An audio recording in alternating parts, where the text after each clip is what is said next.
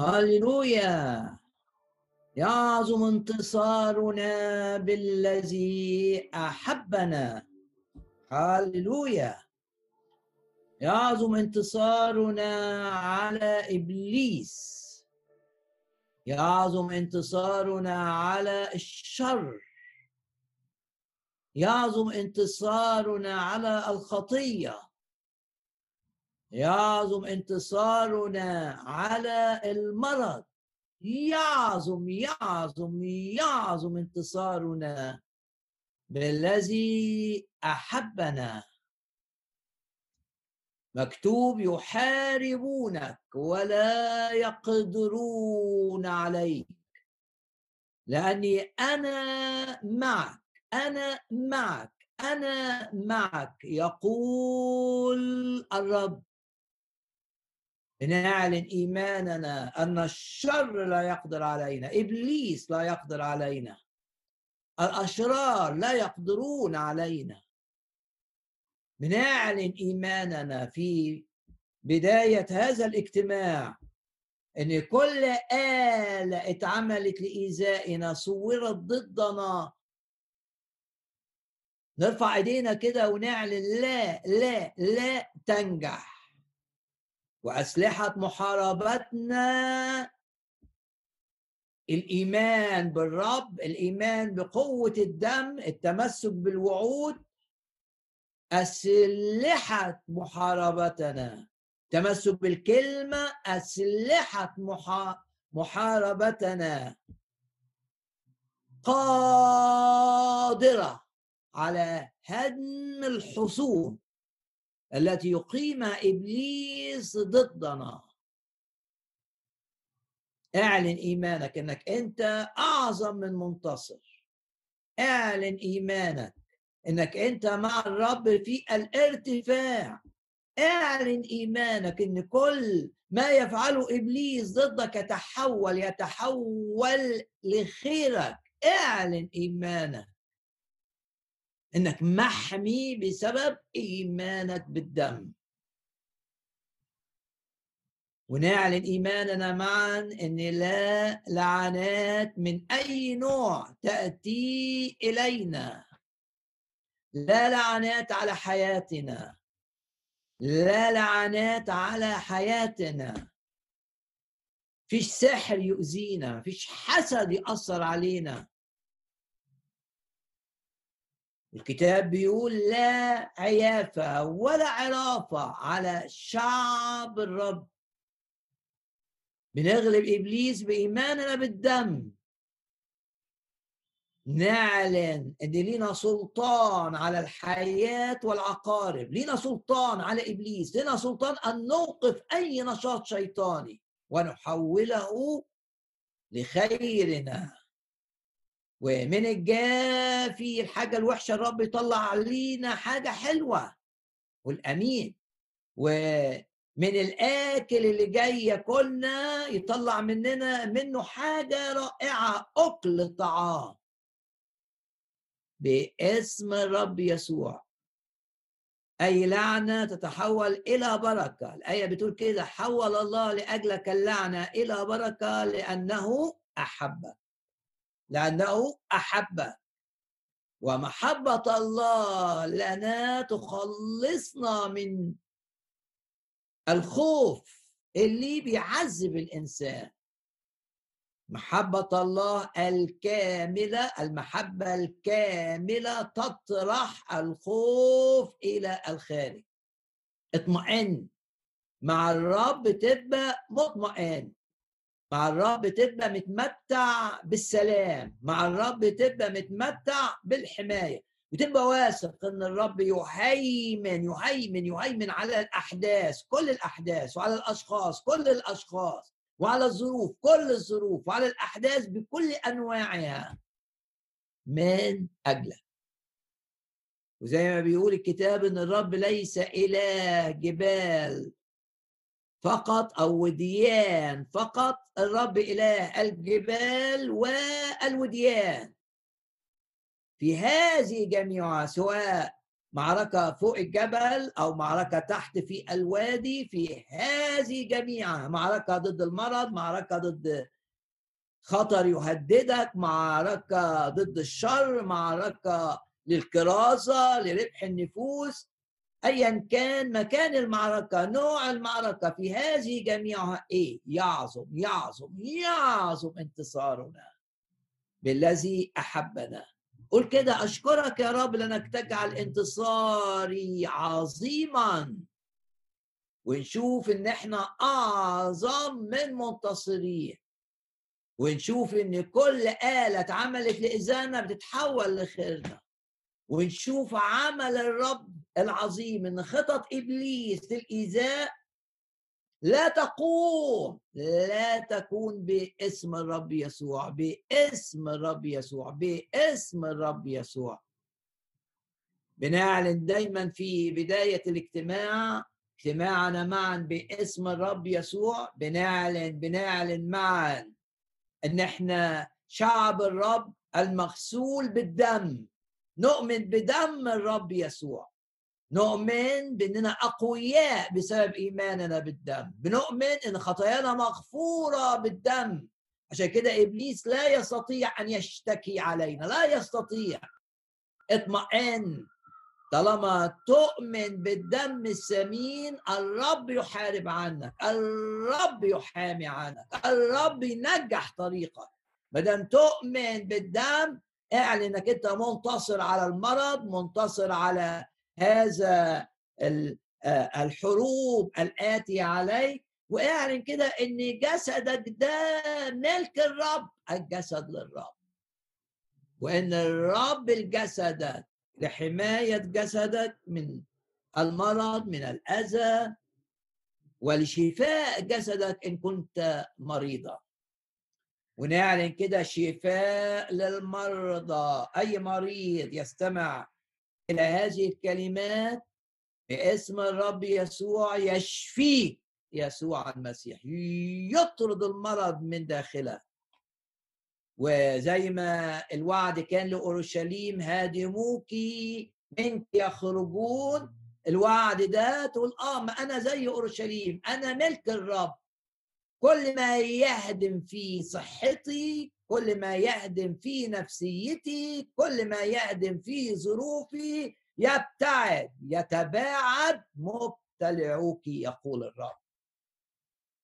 باسم الرب يسوع المرض يخرج ولا يعود. باسم الرب يسوع باسم الرب يسوع. لا يقوم الضيق مرتين. اعلن إيمانك كده بإن ده وقت تعويض عن وقت تعبت فيه. وخطة الرب إنك أنت تبقى مليان سلام خطة الرب إنك تبقى مليان هدوء خطة الرب ليك إن يستخدمك أعظم من أي وقت مضى. ونعلن إيماننا جميعا أننا لن نخرج خارج مشيئة الرب. لن نخرج خارج مشيئة الرب. لن نخرج خارج مشيئة الرب. رب يحفظنا في مشيئته. يحفظنا في مشيئته شاهدين له. شاهدين لعمله فينا. يستخدمنا كما لم يستخدمنا من قبل. استخدام أعظم بكثير من أي وقت مضى. واعلن إيمانك معايا إن الرب يتحكم في القوانين إن الرب يتحكم في ال...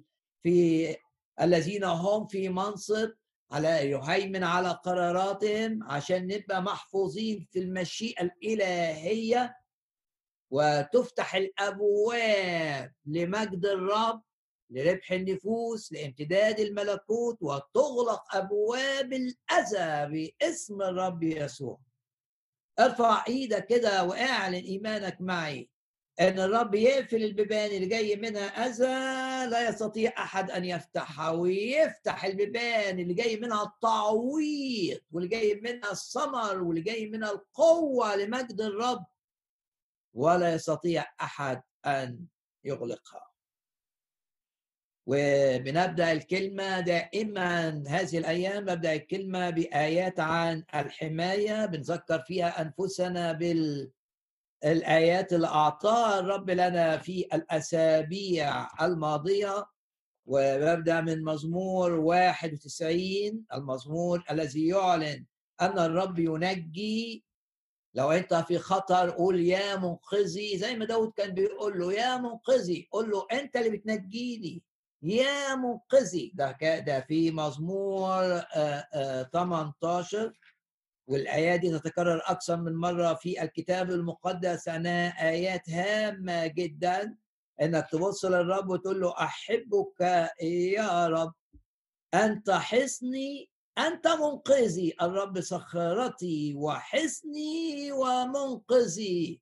يحاربونك ولا يقدرون عليك ولا يقدرون عليك ولا يقدرون عليك.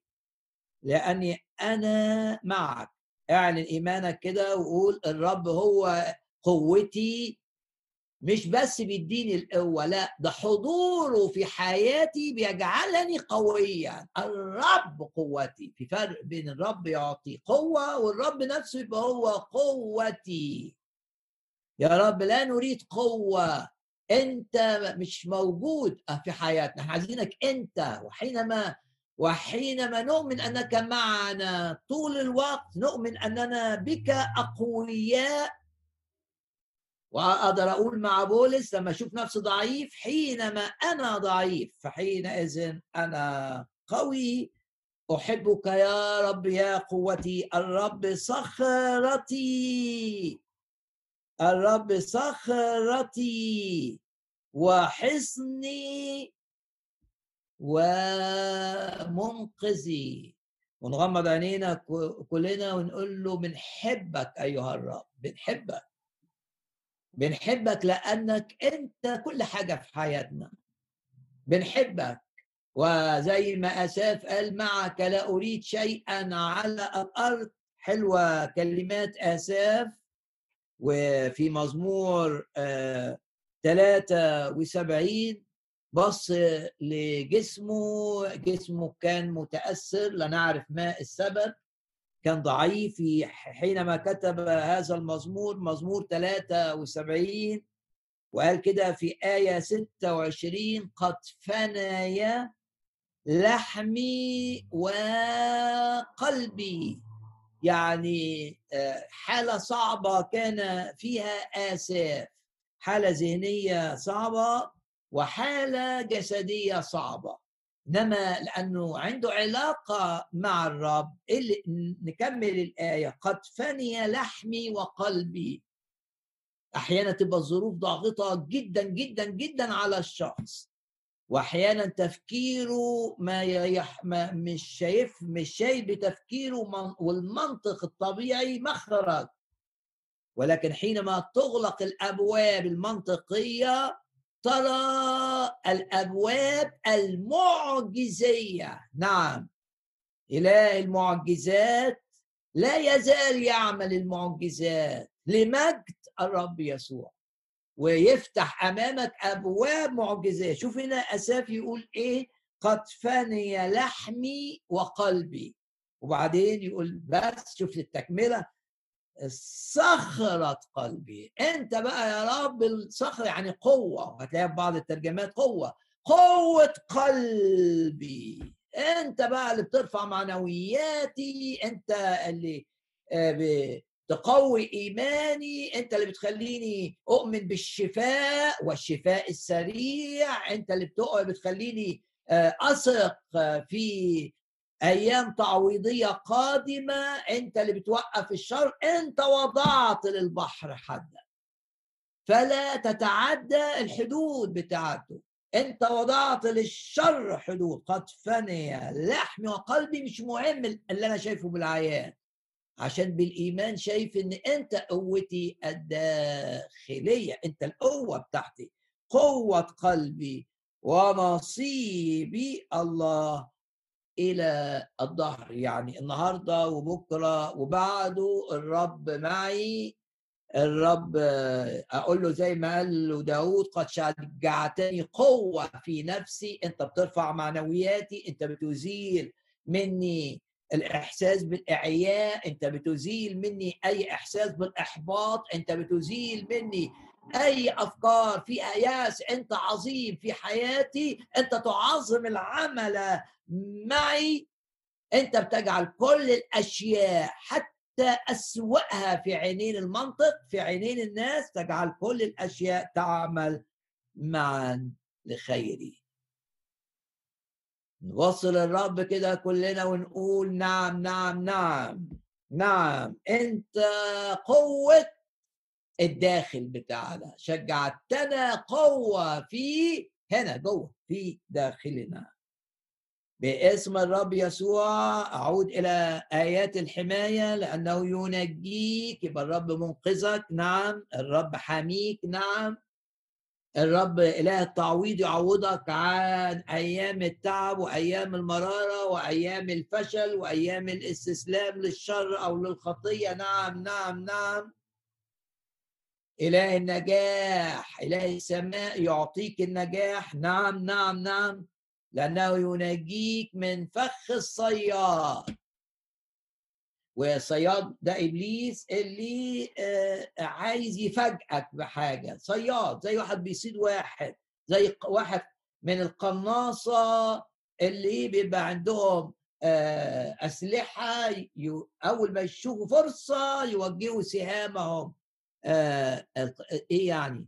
الشيطان عايز يحطك في موقف كده لا قول كده لأنه ينجيني من فخ الصياد ومن الوباء الخطر. هللويا من الوباء الخطر هللويا من الوباء الخطر. باسم الرب يسوع لا يقوى أي وباء على أي شخص فينا. باسم الرب يسوع. واثقين أن الرب أمين لكلمته. قول يا رب أنت أمين لكلمتك. أنت قلت إنك تنجي من فخ الصياد ومن الوباء الخطر. وفكر كده مين الصياد أو إيه الحاجة اللي بتهددك. والشيطان عايز يعمل لك فخ كده والروح القدس بيوريك فخاخ. بص للفخاخ دي واستهزئ بها وقول الرب بيفدي. يفدي من الحفرة آه، حياتي. والرب ينجيني من فخاخ الصياد إبليس ومن الوباء الخطر. ومعنوياتي مش هتضعف مهما كان ما يحدث حولي ومهما كان ما أراه بعيني يحدث في الآخرين. لأن مزمور 91 يقول لك كده.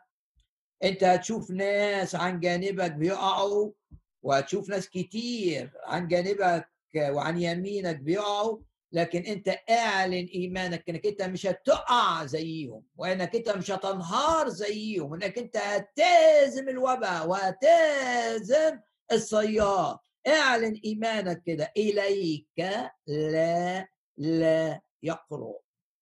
مزمور واحد وتسعين مزمور الحماية. وبرضو نذكر أنفسنا بآيات مزمور 121 إنه لا ينعس ولا ينام من يحفظك لا يدع رجلك تزل أشكرك أيها الرب لأنك تحفظني. وإبليس لا يستطيع أن يستدرجني إلى الأماكن بتاعته لأن الآية لا يدع الرب رجلك تزل والرب يحفظك من كل شر. الرب يحفظك من كل شر. نعم تقول آمين. الرب يحفظني من كل شر. الرب يحفظني من كل شر. الرب يحفظك من كل شر. الرب يحفظ. لو انت خايف وانت بتطلع وانت مسافر وانت بتخدم الرب يحفظ خروجك ودخولك. من الآن وإلى الدار. يعني دي آية رقم 8 عن النهاردة وبكرة وبعده. يا رب أشكرك لأنك تحفظني من كل شر وأشكرك لأنك تحفظ دخولي خروجي ودخولي.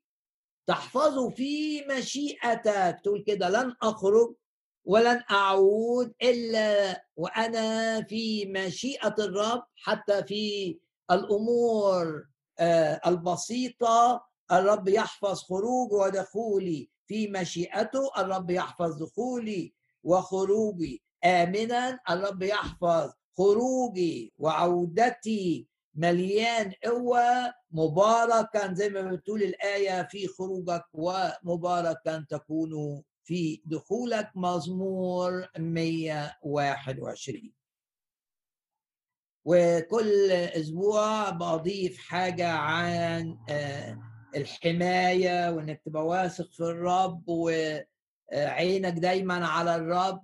ما تخليش عينك على الموجة لأن إيه اللي حصل؟ كلنا من عارفين القصة وكلنا لازم نفكر أنفسنا من وقت لآخر بأن بطرس عارفين القصة دي؟ بطرس كان ماشي على المية طول ما هو باصص على الرب.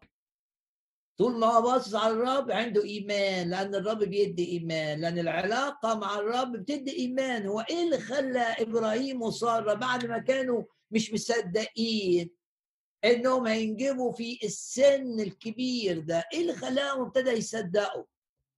ما الاثنين ضحكوا الاثنين بدأوا بعدم الإيمان لكن الكتاب يقول لك سارة نفسها اللي ضحكت من عدم التصديق واستهزأت باللي بيقوله الرب. إزاي؟ أنجب وأنا في سن التسعين. إنما إيه اللي خلاها تحولت من عدم الإيمان إلى الإيمان؟ دائما لا تنسى هذه الحقيقة إنها استمرت في العلاقة مع الرب. لما تبقى مش قادر تؤمن استمر في العلاقة مع الرب استمر تصلي استمر تسبح وإلا يحصل نتيجة صلاتك وتسبيحك إنك ستمتلك الإيمان الذي تحتاجه. الإيمان عطية من الرب. فنمتلك الإيمان بعلاقتنا مع الرب. والنتيجة نبقى زي إبراهيم لما قال عنه الكتاب ولا بعدم إيمان ارتاب في وعد الله. ما شكش يعني. بعد ما كان بيضحك وبعد ما كانت مراته بتستأذن لا. ولا بعدم إيمان. نتيجة العلاقة خد إيمان خد إيمان قوي. ما شكش في وعد الرب. ولا بعدم إيمان ارتاب في وعد الرب. الآية في روميا تقول إيه؟ بل تيقن. بعنده يقين. إن الذي وعد هو أمين. نعم. من أمانة الرب أنه يحقق وعوده. باسم الرب يسوع نمتلك الإيمان بالحماية نمتلك الإيمان بالشفاء نمتلك الإيمان بالانتصار على الشر نمتلك الإيمان بالنجاح الإلهي التعويضي. باسم الرب يسوع تقدر تؤمن من أجل عيلتك تقدر تؤمن من أجل صحتك تقدر تؤمن من أجل أولادك تقدر تؤمن من أجل ظروفك المالية وتقول للرب أنا أثق فيه أنك قادر أن تفعل أكثر جدا أكثر جدا أكثر جدا. الآية بتقول كده أكثر جدا مما نطلب وأكثر جدا مما نفتكر مما نتخيل. هاللويا. ومن الآيات المشجعة آية في سفر التكوين أصحاح 43 دي آية مشجعة لتقوية الإيمان بالحماية والانتصار في أي حرب ندخلها مع إبليس. أنت عايز تعيش بتدقيق بس الشيطان بيغريك بحاجات فيها كسر الوصايا قاوم التجربة والرب هيعطي لك مع التجربة المنفذ. الرب مش عايزك تقع في الخطية.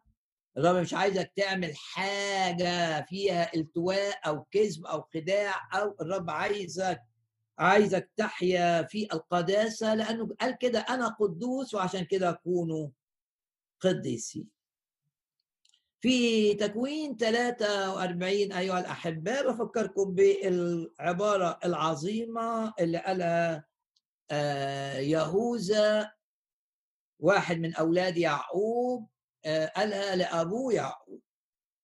لما قال له في أصحاح 43 أنا أضمنه أنا أضمنه من يدي تطلبه. هنا إيه القصة؟ بفكرك بيها.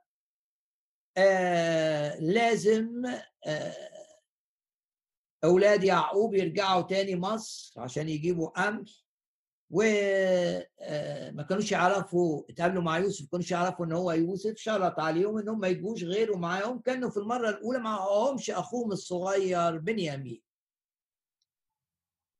فالشرط ما تجوش تاخدوا قمح إلا وبنيامين معاكم. وهنا لما جم يطلبوا آه، آه، من يعقوب إن يسيبوا بنيامين يروح معاهم ما رضيش و... وقال كده يمكن لو راح معاكم يحصل له زي ما حصل لأخوه يوسف ده تلاقي ده في آخر تكوين 42 فإن أصابته أذية في الطريق آه تقضوا عليا. لا مش مش هسلمه ليكم. قوم هنا يهوذا وقف تقدر أنت بقى تقرأ التفاصيل تكوين 43 وقف قدام يعقوب بس أنا أضمن سلامة بنيامين. أنا أضمن إن بنيامين يرجع سليم. أنا أضمنه. والعبارة دي آه تقول لي فين الحماية؟ إن اللي بيقول العبارة دي ليا وليك. مش بقى يهوذا ده لا. اللي جه من نسل يهوذا اللي جه من سبط يهوذا. اللي قال عنه الكتاب وذا قد غلب الأسد الذي من سبط يهوذا. غلب خلاص غلب الموت وغلب الخطية وغلب الشيطان. وذا قد غلب الأسد. يبقى هنا يهوذا ممكن أشوفه بيعبر عن الرب يسوع الذي أتى بالجسد لأن بلاهوت الرب أزلي ولكن بالجسد بتاعه الجسد بتاعه جاي من عائلة يهوذا هو واحد من أحفاد يهوذا اللي قال هذه العبارة التي سجلها لنا تكوين 43 وقف كده بشجاعة وعنده ثقة ولا أنا أضمن سلامة بنيامين؟ هنا يعقوب ما قدرش يقول حاجة. ليه؟ لأنه واثق في يهوذا. أنت ثق في اللي جه من يهوذا. ثق في الرب يسوع. ثق في الرب اللي قال عنه هو قد غلب الأسد الذي من سبط يهوذا. إن هو اللي بيضمن سلامتك هو اللي بيضمن نجاحك هو اللي بيضمن حمايتك. أنا أضمن. اسمع الرب يسوع بيقول هذا أنا أضمن اللي جاي ليك إنه يكون وقت تعويضي إنه يكون وقت عظيم لمجدي. الرب بيقول لك كده الوقت اللي جاي وقت عظيم لمجدي. أنا اللي أضمن. بنيامين لا يستطيع أن يضمن سلامته. أنا ما أقدرش أضمن بكرة. لكن الرب يسوع شفيعي الذي في السماء الذي يشفع فيا هو يقول أنا أضمن. وتقدر تحط مع الآية دي الآية العظيمة اللي في الرسالة إلى العبرانيين بنربط بين العهد القديم والعهد الجديد وعبرانيين أصحاح سبعة قد صار يسوع. بألامه وموته بالدم الذي سفك منه على الصليب. قد صار يسوع إيه ضامنا لعهد أفضل أفضل من العهد القديم بكثير. يبقى الرب هو اللي بيضمن تمتعك بالعهد. تمتعك بامتيازات العهد الجديد. وامتيازات العهد الجديد كثيرة ومتنوعة إن الرب مسؤول عنك ومسؤول عن سلامتك عن نجاحك عن عن عن عن تأييدك بما أنت محتاج إليه عن تسديد لاحتياجاتك الرب يضمن هذا. وحط الآية تكوين 43 يهوذا الجد يقول أنا أضمن بنيامين وفي عبرانيين سبعة الرب يسوع اللي بيحبك اللي مات عشانك اللي دمه غسلك من كل ذنوبك وخطاياك اللي دمه بررك إلى الأبد أمام العرش الإلهي. الرب يسوع المسيح يضمن يضمن يضمن سلامتك. زي ما يهوذا القديم ضمن ليعقوب سلامة الصغير بنيامين أنت صغير وماله أنت ضعيف وماله لكن يوجد من يضمن سلامتك ويوجد من يضمن انتصارك ويوجد من يضمن حمايتك وشفائك. ويقول له نعم يا رب من طول الأيام. أنت اللي بتضمن طول الأيام لنا. قد صار يسوع ضامنا العهدين أفضل. وباسم الرب يسوع نغمض عينينا كده ونشكر الرب من أجل اللي سمعناه من كلمة الرب عن الحماية. وقول يا رب أنت اللي تضمن حياتي العائلية إنها تبقى ناجحة. أنت اللي تضمن تصحيح أخطائي. أنت اللي تضمن مستقبلي. أنت اللي تضمن مستقبل أولادي. قول كده أموري مش في إيدي أنا أموري مش في إيد الناس. أموري في إيدك أنت. وأنت الضامن اللي تجعل كل أموري فيها المجد بتاعك فيها الحب بتاعك. باسم الرب يسوع باسم الرب يسوع. الرب يضمن إنك أنت تعيش طول عمرك مليان بالروح القدس. الرب اللي يضمن إنك أنت كخادم لو بتخدم الرب إن كل يوم الرب يستخدمك أعظم من الأيام السابقة. مين اللي يضمن؟ مين اللي تقول لي أنا ما أقدرش أضمن نفسي. أقول لك أوعى تضمن نفسك. بس الثق في شفيعك العظيم الرب يسوع في مخلصك العظيم الرب يسوع في كائنك العظيم الرب يسوع. ثق في الرب. إنه يضمن طول ما أنت باصص ليه وماسك فيه يضمن. مش بس أبديتك.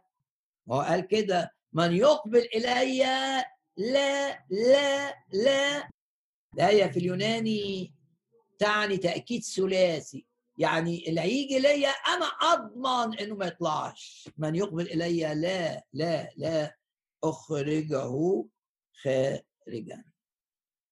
بنتأمل آه، هذه الأيام في أعمال الرسل أصحاح كام؟ أصحاح 27 وسلسلة دي تاني حلقة فيها سلسلة عنوانها في مواجهة العاصفة ليه؟ لأن بولس 27 آه، أصحاح طويل ما هواش أصحاح قصير من 44 آية ويتكلم عن رحلة الرسول بولس في البحر. رحلة في البحر من طلع من آه، مدينة قيصرية إلى إيطاليا. رحلة في البحر. وتعرض فيها لأكثر من نوع من الريح وأكثر من نوع من العاصفة. وبنراجع مع بعض إن الرب خلى السفينة آه، هتتعرض لرياح آه، عواصف قوية جدا جدا جدا خطيرة جدا جدا. لكن الرب سمح لي إن بولس ما يبقاش على السفينة دي لوحده. وللتذكرة لأن ممكن حد ما يكونش معانا أو مش عارف الجزء ده. بولس كان في السفينة مش راكب عادي. لا ده كان راكب آه، في حرس بيحرسوه عشان هو متهم اليهود اتهموه ورايح إيطاليا علشان ده اللي باين قدام الناس رايح إيطاليا عشان يتحاكم في روما أمام آه، الحاكم الكبير قيصر.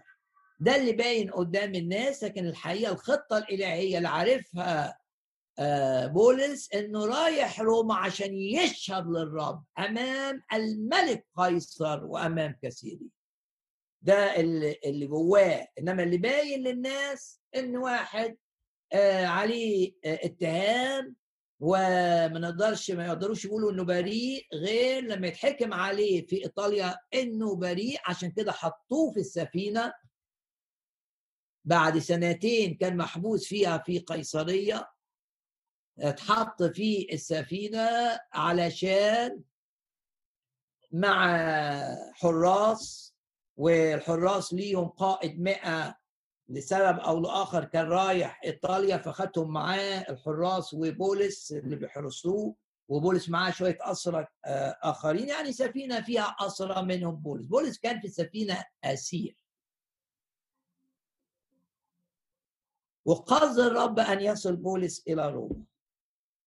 ورغم ان فات آه، آه، زي ما قلت حوالي سنتين من سماعه كلمة الرب المحددة زي ما رحت أورشليم هتروح روما وزي ما شهدت لي في أورشليم تشهد في روما. رغم إن فات وقت إنما الوعد لسه طازج لسه حاجة كأنه سمعها النهارده. وبعد سنتين وبولس بيركب السفينة كأسير أكيد مليان فرح وسلام خلاص جه الوقت اللي دعوة الرب اللي قالها لي بكل وضوح لما اتمسكت من اليهود في أورشليم وسلموني للرومان وعد الرب ليا بإني أروح روما أشهد لي سوف يتحقق. يبقى قبل سنتين بولس سمع في أعمال الرسل أصحاح 23 كلمة من الرب ثق يا بولس وكلمة ثق كلمة قوية أوي أوي أوي. في اللغة اليونانية من الكلمات في كلمات كتير عن الثقة. دي كلمة المستخدمة قوية جدا جدا جدا. ثق يا بولس. ودي نفس الكلمة اللي قالها الرب لنازفة الدم واللي قالها الرب للمفلوج ثق يا بولس. لأنه كما شهدت بما لي في أورشليم هكذا ينبغي أن تشهد في روميا أيضا. وفات أسبوع ما راحش. فات أسبوعين ما راحش. وفات شهر شهرين فات سنتين وجت بقى اللحظة اللي ركب فيها السفينة كأسير. نعم لكن مش مهم. المهم إن أنا هروح روما. كأسير ركب السفينة كأسير جه. الوقت في أصحاح 27 اللي يركب فيها السفينة كأسير لكي تتحقق. خطة الله له أن يكرز في روما إيه اللي شفناه بقى في الحلقة اللي فاتت؟ إن الرب عشان دي رحلة صعبة سمح باتنين مؤمنين يركبوا معاه السفينة. ما هماش أسرى الكتاب ما قالش عليهم إنهم أسرى اتنين مؤمنين يركبوا مع بولس السفينة. لأن المؤمن محتاج مؤمنين حواليه. أشكر الرب من أجل المؤمنين اللي الرب حاططهم في حياتك والقريبين منك.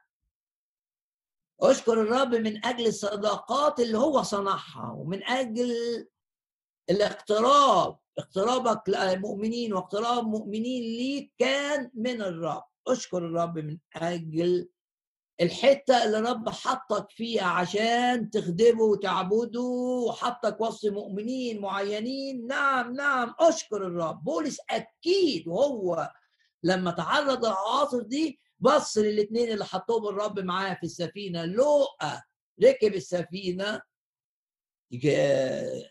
دور جاب فلوس ودفع التذكرة لأن هو مش اسير وركب السفينة وقال أنا برضه عايز أروح روما راكب رايح روما في السفينة دي.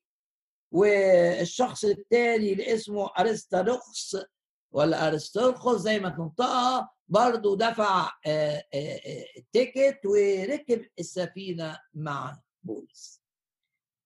ليه الكتاب يقول لك كده؟ ان والراجل ده كانوا مع بولس. عايز يقول لك حاجة إن دايما الرب مش هيسيبك من غير مؤمنين مخلصين معاك.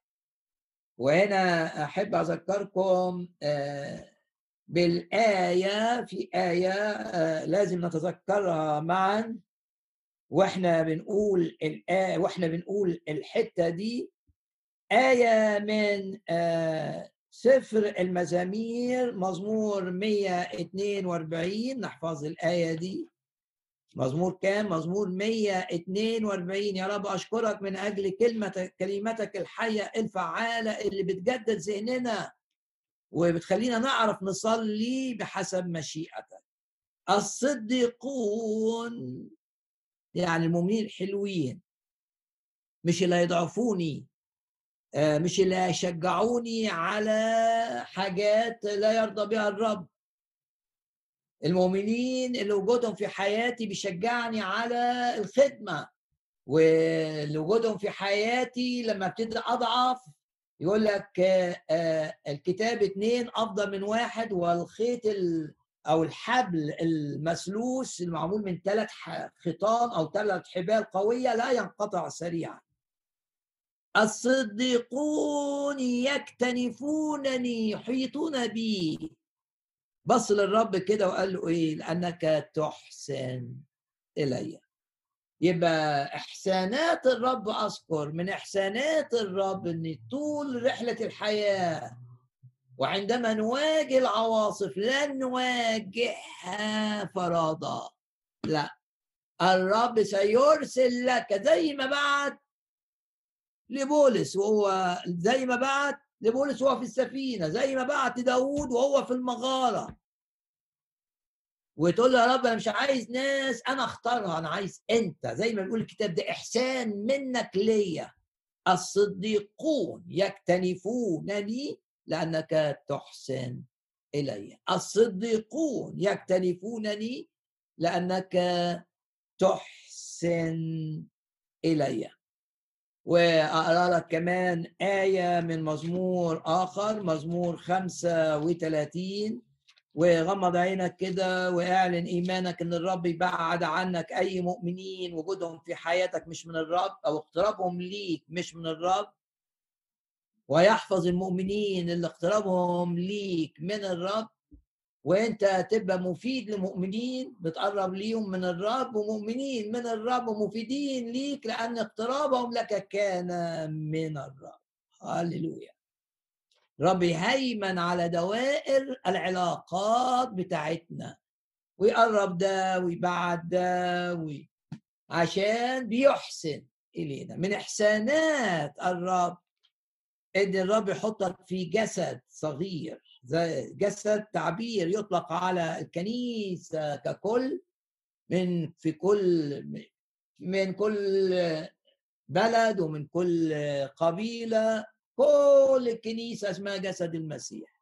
كل المؤمنين من مختلف العصور اسمهم جسد المسيح. جسد المسيح الكبير.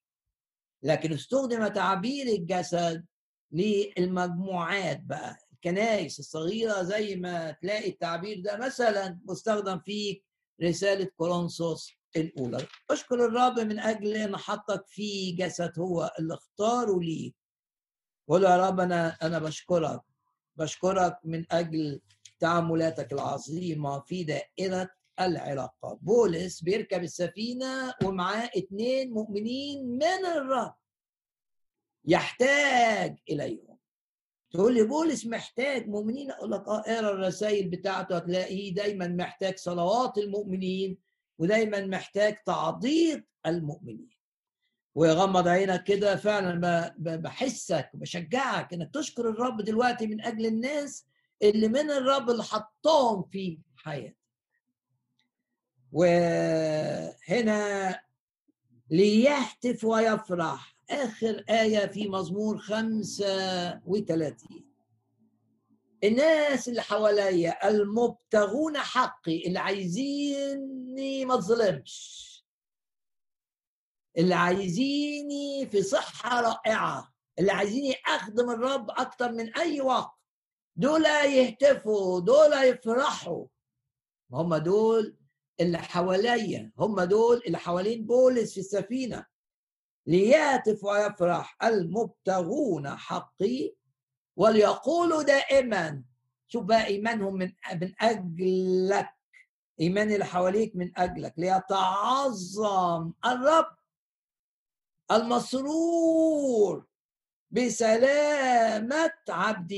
يعني هنا في مزمور 35 داود بيبص للناس اللي الرب حبيتهم حاططهم حواليه ويقول دول يهتفوا ويفرحوا بعمل الرب معايا ويقولوا لأن الرب يتعظم لأنه مسرور بسلامتي. لو أنت ليك علاقة مع الرب كن واثق أن الرب مسرور جدا بسلامتك. مسرور جدا بشفائك. مسرور جدا بعودتك إليه. لو كنت بعدت زي الابن الضال في الكورة البعيدة دول بقى اللي بعتهم الرب. دول اللي قال عنهم المزمور الثاني الصديقون يحيطون بيا لأن الرب أحسن إلي. دول اللي فرحانين لما بيشوفوا الرب بيتمجد معاك ولما بيشوفوا الرب بيعظم العمل معاك ولما يشوفوا الرب بينقذك من الخطر. ليهتف ويفرح هؤلاء. اللي بيقولوا ليتعظم الرب المسرور بسلامة عبده. باسم الرب يسوع يبقى أصدقائنا المؤمنين دايما عايزين الرب يتعظم معانا. وإحنا دايما عايزين نشوف الرب بيتعظم معاهم. إحنا فرحانين لعمل الرب فيهم وهم كمان فرحانين لعمل الرب فينا. و آه، بولس راح السفينة زي ما قلت لكم في الأسبوع الماضي السفن زمان ما كانش عندها لا أجهزة ترصد ترصد النجوم تعرف موقعها يعني من خلال النجوم ولا كان عندهم بوصلة. فكانوا دائما يمشوا بمحاذاة الشاطئ. يعني السفينة تمشي وهي شايفة الشاطئ هو ده. وخبرة بقى يعتمدوا على الشواطئ القريبة وخبرة البحار عشان ينتقلوا من مكان إلى مكان. فمشيوا على الشاطئ الحتة دي طبعا آه، معروفة أين توجد صيداء في لبنان آه، فوصلوا من قيصرية إلى صيداء. في سكتهم رايحين المدينة اللي اسمها ادراماتيم علشان وهم هناك أو في مدينة قبليها هياخدوا مدينة سفينة تانية توصلهم لروما مباشرة.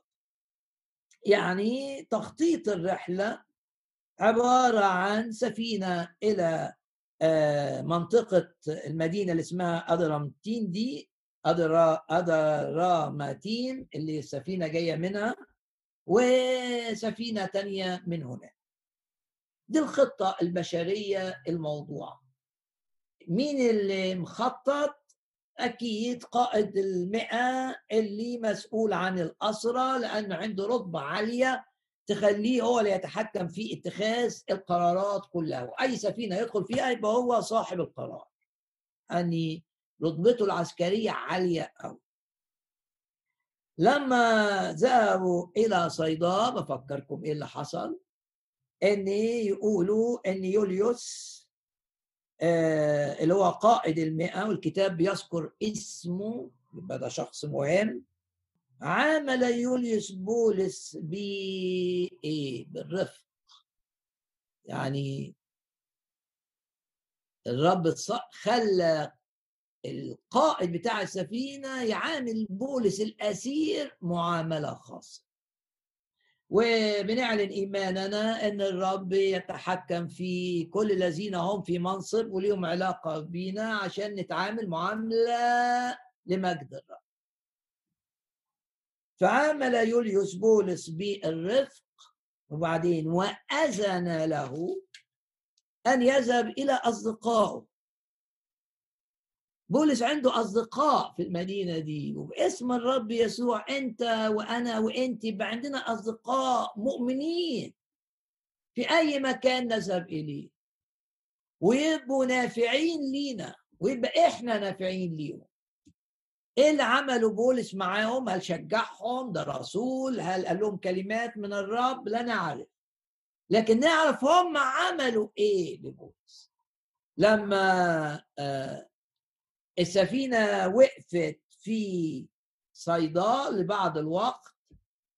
آه، بولس خد إذن من قائد المئة بعت معاه أكيد واحد من العسكر اللي بيحرسوا بولس وذهب بولس إلى أصدقائه المؤمنين. الصديقون يكتنفونني.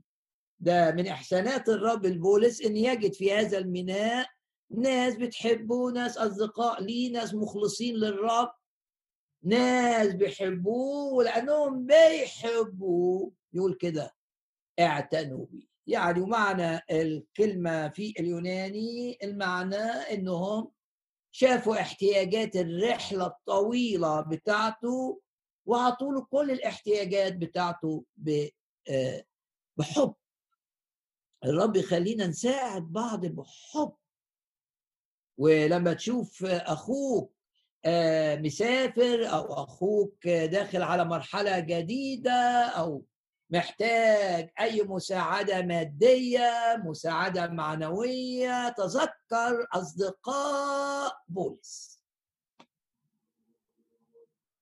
يبقى هنا الرب سدد احتياج بولس ولوقا والثالث اللي معاهم واستخدم في تسديد الاحتياج بتاعهم. رحلة طويلة محتاجين أكل معين محتاجين ربما آه، لبس معين لأن فصل الشتاء خلاص محتاجين. هم آه، تحتياج بولس اتسدد.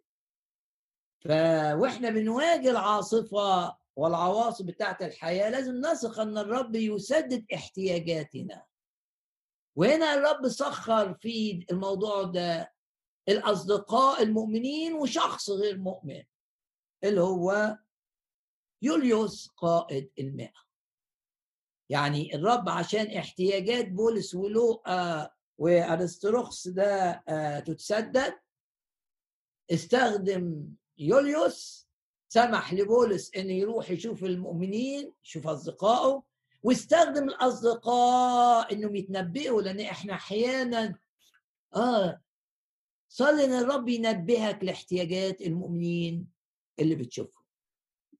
كان ممكن آه، يعملوا زي المؤمنين بتاعت قيصرية ما ينتبهوش لاحتياجات بولس. لكن هم انتبهوا ان الرحلة ان بولس محتاج محتاج مال محتاج آه، آه، طعام من نوع معين يقاوم العوامل البرد محتاج ملابس. والاثنين اللي معاه محتاجين نبه الروح القدس. هؤلاء الأصدقاء لكي يسدد احتياج بولس في هذه الرحلة. لو بتخدم الرب أوعى تقلق من جهة الأمور المادية. ولو أنت ليك علاقة مع الرب أيضا أوعى تقلق ابدا ابدا من جهة الأمور المادية. الرب عنده أكثر من يوليوس. لتسديد احتياجاتك. الرب عنده أكثر من هؤلاء الأصدقاء لكي يستخدمهم لتسديد احتياجاتك. الرب عنده طرق أخرى لتسديد الاحتياج. وفي وقت المجاعة عارفين إن الرب سدد احتياج ايليا بالغراب. الرب عنده غربان يستخدمهم في الوقت المناسب لتسديد احتياجاتنا. الرب مسؤول عنا. رب استخدم أرملة أرملة أرملة لتسديد احتياج إيليا أشكر الرب لأنه أمين. سيسدد كل احتياجاتك. وزي ما بيقول الكتاب بحسب غناه بحسب غناه في المجد. يبقى عندنا آه، أول نقطة الخطة تتحقق بعد سنتين. وبولس يذهب إلى أكيد فرحان جدا حتى تحس في رسالته لروميا إنه مشتاق يروح البلد دي مشتاق مش مهم أروح آه، آه، في إيديا سلاسل ولا أروح كأسير ولا أروح كمتهم. المهم إن الرب قال إن أنا هخدم في روما أنا فرحان. وقول كده آه، للرب أشكرك لأنك أنت دعوتك بلا تغيير. ده معنى كلمة بلا ندامة. الأمر الثاني الرب يرسل لنا من يحيطون بنا ليشجعونا ليعضدونا لنخدم ليخدمونا ولنخدمهم للشركة الروحية الرائعة. الرب يرسل لنا صديقين في السفينة ويرسل لنا أصدقاء في مدينة صيدا. والأمر الثالث شفنا الرياح. وقلنا إن الرياح أمامنا أربع حاجات عن الرياح العواصف بقى.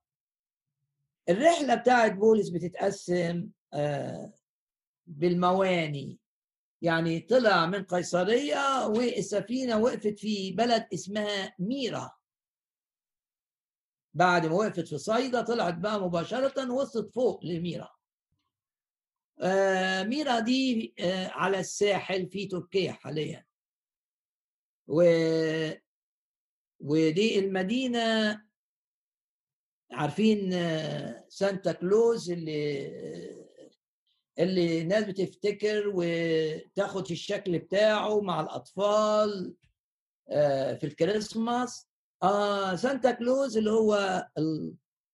آه كان في المدينة دي ميرا أنا بقول كده ليه؟ عشان ما تنساش إن المدينة ميرا دي هي مرتبطة بقصة سانتا كلوز آه اللي هو القديس آه، نيقولاوس أو نيقولاس.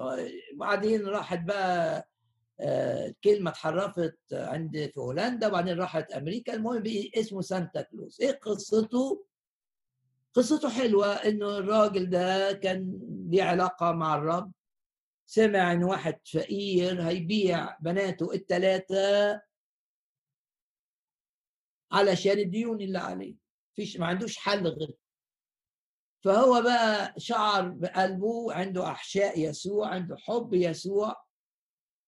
إزاي البنات دي تتباع وتبقى عبيد. وده تقريبا في القرن الرابع. أواخر القرن الرابع كده. كان في بلدة ميرا دي. وراح في السر كده قصة بقى واستخبى وجاب ثلاث أكياس وحط في كل كيس فلوس أو ذهب حاجات كده يعني. ودخل البيت وهو مقفول بالليل وحط الحاجة. فعلشان اللي عمله ده أثر في الناس الناس ما كانش هاممها دول يتباعوا عبيد ولا دول يحصل لهم إيه؟ لكن ده عنده قلب الرب. فمن هنا جه آه، آه، اللي بيتعمل حاليا للأطفال. بقول القصة دي اولا انها قصة مبنية على فهم كتابي. إني أنفق من أجل الآخرين زي ما قال بولس. أنفق وأنفق من أجلكم. حتى لو أنتم محبتكم ليا بتقل. مش مهم. كان كلما أحبكم أكثر أحب أقل فليكن. فاللي عمله الشخص ده آه، مبني على حب يسوع اللي في قلبه. اللي ما فعلتموه بأي حد. عشان جواكم حبي للناس وعشان متأثرين بكلامي وتعليمي. فبي قد فعلته؟ دي في بلدة ميرا. السفينة لما وصلت ميرا آه، هي سفينة صغيرة اللي آه، كانت بتمشي في الخط ده اللي هي من قيصرية تقف في صيداء ونشكر الرب إنها وقفت في المينا دي عشان آه، بولس محتاج تعضيد من أصدقائه المؤمنين. وبعد صيداء طلعت على طول برضو بمحاذاة الشاطئ والريح بقى أجبرتها وإنها تمشي في سكة أطول فوق قبرص مش تحت قبرص عشان تحت قبرص كان يبقى الخط المباشر لحد ما وصلوا إلى آه، ميرا. وفي ميرا دي اللي حدث سابوا السفينة دي لأنهم لقيوا سفينة تانية كبيرة بقى. دي سفينة صغيرة شوف الرب أحيانا يحطك في سفينة صغيرة وأحيانا تبقى في سفينة كبيرة مفيش فرق. رب اللي في السفينة دي وفي السفينة دي. وبولس قال كده تعلمت أن أكون مكتفيا بما أنا فيه.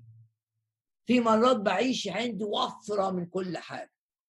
وفي مرات بعيش ناقص من كل حاجة. مش مهم لا ده وده اتعلمت أنا أعيش في الظروف دي والظروف دي لأن الرب حاضر معايا. في الظروف الصعبة هيسدد احتياجي في الظروف الحلوة برضه هو اللي هيسدد احتياجي.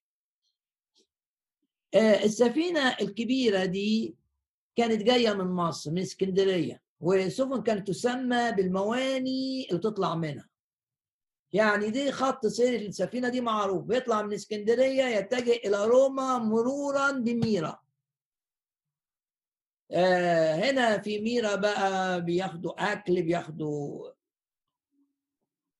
بيستريحوا شوية وبعدين تتحرك السفينة من ميرا إلى روما. سفينة كبيرة وزمان ما كانش فيه سفن للركاب غير السفن بتاعت البضايع. لا كان السفن حاجة واحدة. سفينة تشيل بضايع وركاب. يعني ما فيش سفينة للبضايع زي الوقت وسفينة تانية للركاب لا هي نوع واحد من السفن فالسفينة دي كانت كبيرة وكان فيها يقولوا من 500 طن إلى 1000 طن إيه قمح. لأن في الوقت ده مصر كانت بتصدر قمح إلى إيطاليا. وإيطاليا روما آه، وما حولها كانت تعتمد على القمح اللي جاي من مصر. فالسفينة مليانة 500 آه، طن يبقى سفينة ضخمة جدا من القمح وعليها ركاب. فخد القائد المئة العساكر بتوعوتي والأسرى اللي منهم بولس وطبعا طلع معاهم مين؟ إحنا عايزين إحنا الحين روما. طلع معاهم لوقا و ارسطروخوس فبقي الثلاثة مؤمنين وسط ركاب السفينة اللي عددهم كان 276 شخص. كل الناس اللي على السفينة بالبحارة بقائد المئة بصاحب السفينة الكبيرة دي بربان اللي بيقود البحارة كلهم على بعض 276 واحد. عدد كبير. وسفن زمان كانت آه، ما تقدرش ابدا تقاوم الريح. يعني لازم تستنى السفينة الريح ماشية كده فتمشي مع الريح. ما عندهاش قدرة إنها تمشي ضد الريح. صعب قوي قوي قوي على السفن في ذلك الوقت. إحنا في القرن الأول الميلادي فلا البوصلة اتعرفت ولا فلما وصلوا ميراخ اللي آه، آه، ترتبط في ذهنك بقى آه، بسانتا كلوز دي غيروا السفينة. سفينة صغيرة تعرضت لعواصف والسفينة الكبيرة تعرضت لعواصف. ونشوف العواصف مع بعض. العاصفة الأولى كانت لما طلعوا من إحنا قلنا الرحلة بتتقسم قسمين قسم لحد ميرا وقسم من ميرا متجه سفينة إلى روما إيه اللي حصل للسفينة الثانية نيجي مع بعض.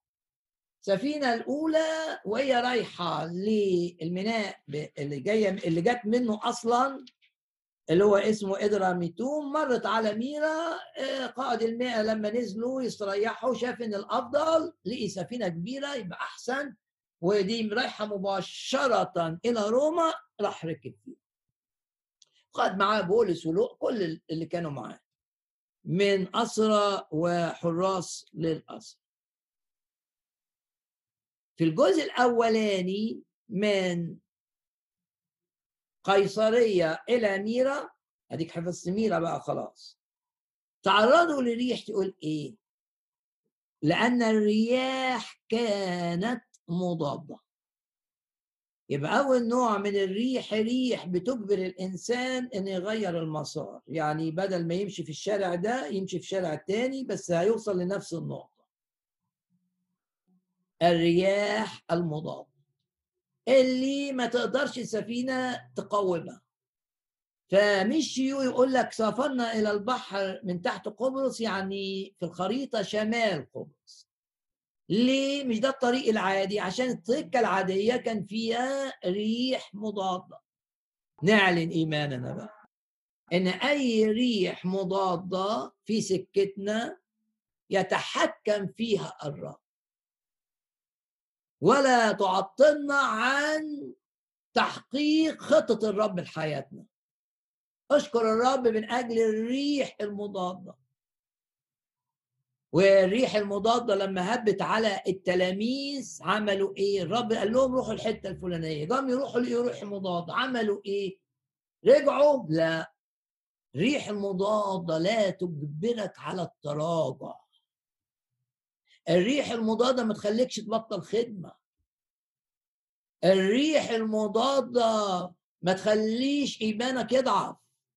مش معنى إن في ريح مضادة إن سفر بولس إلى روما ليس من الرب. الريح المضادة فرصة تشوف الرب هيعمل إيه. الريح المضادة خلت يقول لك الريح كانت مضادة. لما كانت الريح مضادة على التلاميذ إيه اللي عمل؟ جهدوا جهدوا جهد قعدوا يجدفوا يجدفوا يجدفوا يجدفوا وبعدين جالهم الرب سائرا على المياه. اعلن إيمانك كده إن الريح المضادة التي يسمح بها الرب لن تعطل خطة الرب في حياتك.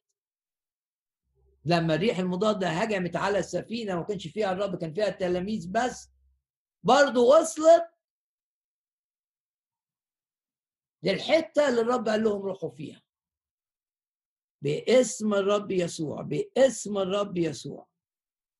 لا تنجح الريح المضادة في تفشيلنا. ممكن تلاقي ريح مضادة في شغلك ممكن تلاقي ريح مضادة في خدمتك بتخليك تخدم بطريقة أخرى. بدل ما كنت هتبحر جنوب قبرص هتبحر شمال قبرص. لكن مش ده للفشل ومش ده للتراجع ومش ده إنك تبطل تجدف. يعظم انتصارنا ضد الريح المضاد يبقى دي أول ريح تقابل مع بولس في عدد أربعة.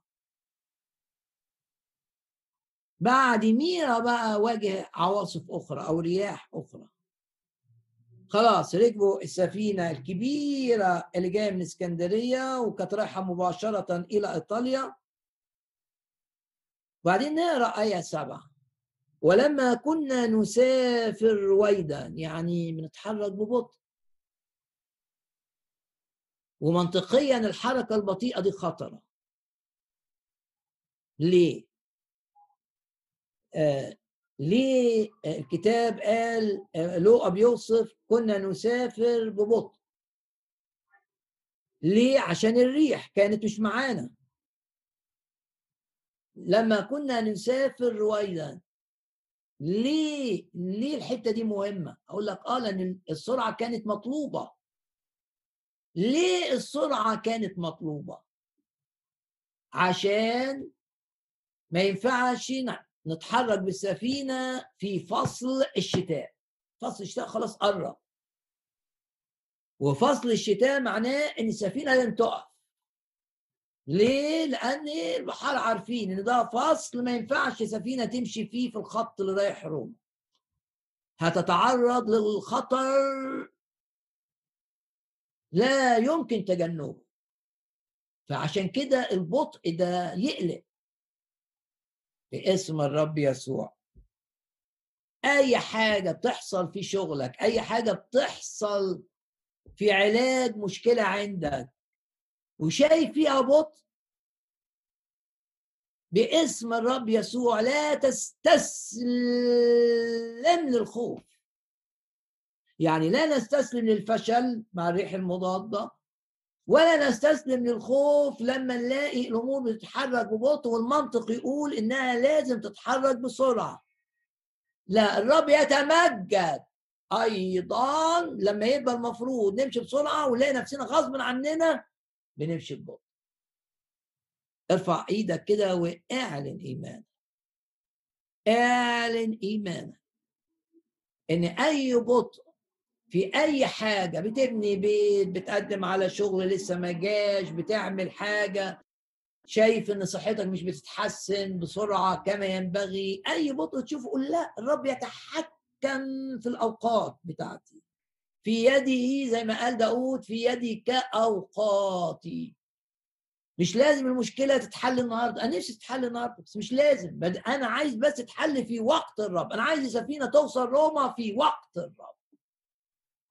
وأكيد بولس والاثنين اللي معاه أكيد بيكلموا بعض إن الأمور في إيد الرب وإن مش لازم نقلق ومش لازم نخاف. يقول الكتاب واحد في ريح مضاد. اتنين في ريح مانعة. يعني مش بس تخليك تمشي ببطء. يقول الكتاب إيه في آية سبعة؟ ولما كنا نسافر ببطء أياما كثيرة بس لا للإحباط. حاسس إن في ناس محبطة لأنها كانت متوقعة إن الأمور تخلص بسرعة ومتأخرة. لا للإحباط. اشكر الرب. تعلم أن تشكر الرب لما الأمور تبقى ماشية عكس اللي أنت عايزه. تعلم أن تشكر الرب تبقى أنت متوقع حاجة وتلاقي حاجة تانية. اشكر الرب وقول كده بإيمان. أموري لا يتحكم فيها إبليس امور يتحكم فيها الرب. الوقت يتحكم فيه الرب. الحركة المسار فوق شمال قبرص ولا تحت قبرص يتحكم فيه الرب. آية سبعة ولما كنا نسافر ببطء أياما كثيرة. طبعا أياما كثيرة لأن الرحلة طولت والشتاء قربت وزمن الإبحار الخطير على وشك. هنعمل إيه؟ لا تهتم ما تشيلش هم بكرة. الرب يعتني بيك الرب يضمن بكرة ما تخافش. الأمور في إيده وإذا الرياح بيتحكم فيها رئيس سلطان الهواء. مين رئيس سلطان الهواء؟ إبليس. اقرأ أفسس أصحاح اثنين إذا كان إبليس هو والأرواح الشريرة بتتواجد في المنطقة اللي فيها الرياح واللي فيها العواصف فالرب في العلاء أقدر أعلى من الأرواح الشريرة ويتحكم في هذه الأرواح الشريرة ويتحكم في العواصف ويتحكم في الأمور. إنما الرب سايب الريح بقى تبقى مضادة ونمشي ببطء عشان ثمر الروح يبان فيك. شهادة. للي حواليك يبان فيك إنك رغم إن الأمور مش ماشية كما هي مرتب لها لكن شايفين فيك سلام. شايفين فيك طمأنينة. شايفين فيك عمل الروح القدس النقي. يقولوا ما حدش في الظروف دي يبقى مليان سلام غير لو واحد ليه علاقة مع الرب. كثيرا ما يسمح الرب للرياح والعاصفة المضادة لكي يظهر لكي تظهر فينا ثمر الروح القدس. تظهر للناس يظهر فينا السلام والطمأنينة والمحبة وعدم الأنانية. يبقى هنا أول ريح ريح مضادة. تاني ريح هي الريح المانعة. وصلوا ببطء. يقول لك بالجهد صرنا صرنا بقرب بقرب كانيدوس ممكن تشوف البلاد دي على الخريطة. كل الكتب اللي فسرت أعمال الرسل بتعمل خرايط لرحلات بولس ودي الرحلة الأخيرة بتاعته. وكنيدوس دي يعني معناها المركبة الكبيرة تمر على كنيدوس بعدين تطلع فيه إلى إيطاليا. خط سير معروف. بس عشان الريح دي خلاص جه وقت بقى الريح اللي ماشياهم ببطء منعاهم بقى منهم يمشوا. يقول كده وبالجهد صرنا بقرب كنيدوس ولم تمكننا الريح أكثر يبقى ريح مانعة. يبقى أول ريح مضادة خليتهم يمشوا ببطء وياخدوا وقت أطول من المتوقع بكثير والريح الثانية مانعة. حاجة كده حصلت منعت. عند كنيدس دي مش قادرين نمشي لقدام. وايه اللي حدث؟ الريح المانعة يقول لك ولم تمكننا الريح أكثر فمشوا مع الريح فنزلوا إلى الجنوب. بعد بدل ما يطلعوا على إيطاليا نزلوا لتحت. وبرضه بالجهد. وكلمة بالجهد تتكرر مرتين. أحيانا الرب عايزك تعمل مجهود بس هيديك القدرة. وأحيانا وأنت بتجدف اللي قعدوا يجدفوا التلاميذ. لإيه؟ للساعة الأخيرة من الليل. لغاية ما جه الرب وأكيد إيديهم تعبت قوي قوي قوي من التجديد آه. واحيانا تتعب. بس ثق إن الرب يعطي المعيا قدرة. يجدد كالنسر شبابك وأتخيل داود كده من كثرة المسؤوليات والأمور اللي عليه والأمور العائلية الصعبة اللي مر فيها إنه خلاص. بعدين الرب عطاله هذا المزمور يجدد كالنسر شبابك تضعف وتعود قوي يجدد. البيت الحيطان فيه اتشرخت بتجدد البيت. يعود كما كان لا افضل مما كان لما تشعر بالإعياء نتيجة إن الحاجات مش مشجعة. بتخبط على الباب ده ما, ما فيش تشجيع. ده كل حينما تكون الأمور هكذا. بص للرب وقول أنت تجدد كالنسر. شبابي أنت تعطي قوة يعطي المعي يعني جالي إعياء. لكن تعطي المعيا قدرة وترجع لي الفرح وترجع لي الحماس وترجع لي الإيمان وتخليني حقيقي معاك. ما اختبارات ضد العواصف دي بتوضح إن الشخص ده حقيقي مع الرب. لأن العواصف كشفت ايمان إنه بيقول في وقت العاصفة المضادة المانعة يعظم انتصار ولا يستسلم للشيطان. السفينة مش هتكمل اللي طالعة من ميرا في الخط المعتاد إلى روما وأكبرها الريح ما تقدرش تتراجع. إنها تمشي في جهة الجنوب ناحية جزيرة كريت. وتعرف بعد كده طب ليه؟ ليه الرب سمح بكده؟ أحيانا الرب يغير مسارك تبقى أنت ناوي تمشي في السكة دي وذهاب بولس إلى كريت رغم الاختبارات الصعبة اللي مر فيها بالسفينة لما راحت كريت دي كانت سببا هاما في الكرازة في هذه المدينة لأنها قعدت في ذاكرة بولس وبعد ما طلع من السجن بعد لما راح روما بنعرف إنه آه، راح كريت وبعدين بعد بعد كده تيتوس إلى هناك وكتب إلى تيتوس آه، آه، رسالة عن خدمته في كريت. آه رب ممكن متش مرتب إنك تروح كريت لكن يوديك لأنه عايز يستخدمك هناك. مفيش حاجة في حياتنا بتحصل صدفة. وقول كده كل حاجة في حياتي ليها معنى. ومعنى لخزي الشيطان. ومعنى لمجد الرب. وإيه إحساس بولس لما بيشوف بيبعد عن روما؟ بدل ما يتجه في السفينة الكبيرة المحملة بالقمح مباشرة إلى روما الرياح منعته وأجبرته أن ينزل إلى الجنوب ناحية الجزيرة دي. بس أنت أنت ما قلتليش أنا أروح أنت قلت لي أروح روما. آه ده وقت الامتحان الإيمان علاقة. باسم الرب يسوع الرب يتحكم والأمين في كل خطواتنا. يتحكم في تفاصيل حياتنا.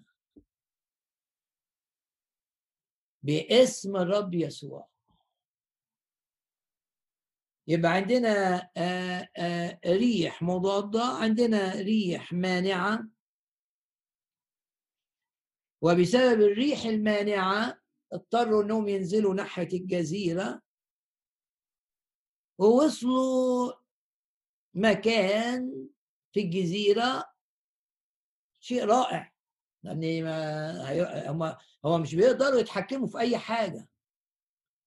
فشيء رائع ان راحوا حتة آمنة يعني السفينه وقفت وحطوا الهلب بتاع السفينة في الأرض في حتة اسمها المواني الحسن يبقى السفينة ذهبت من ميرا بدل ما تروح على روما أجبرت إنها بالرياح إنها تروح إلى المواني الحسنة اللي في جزيرة كريت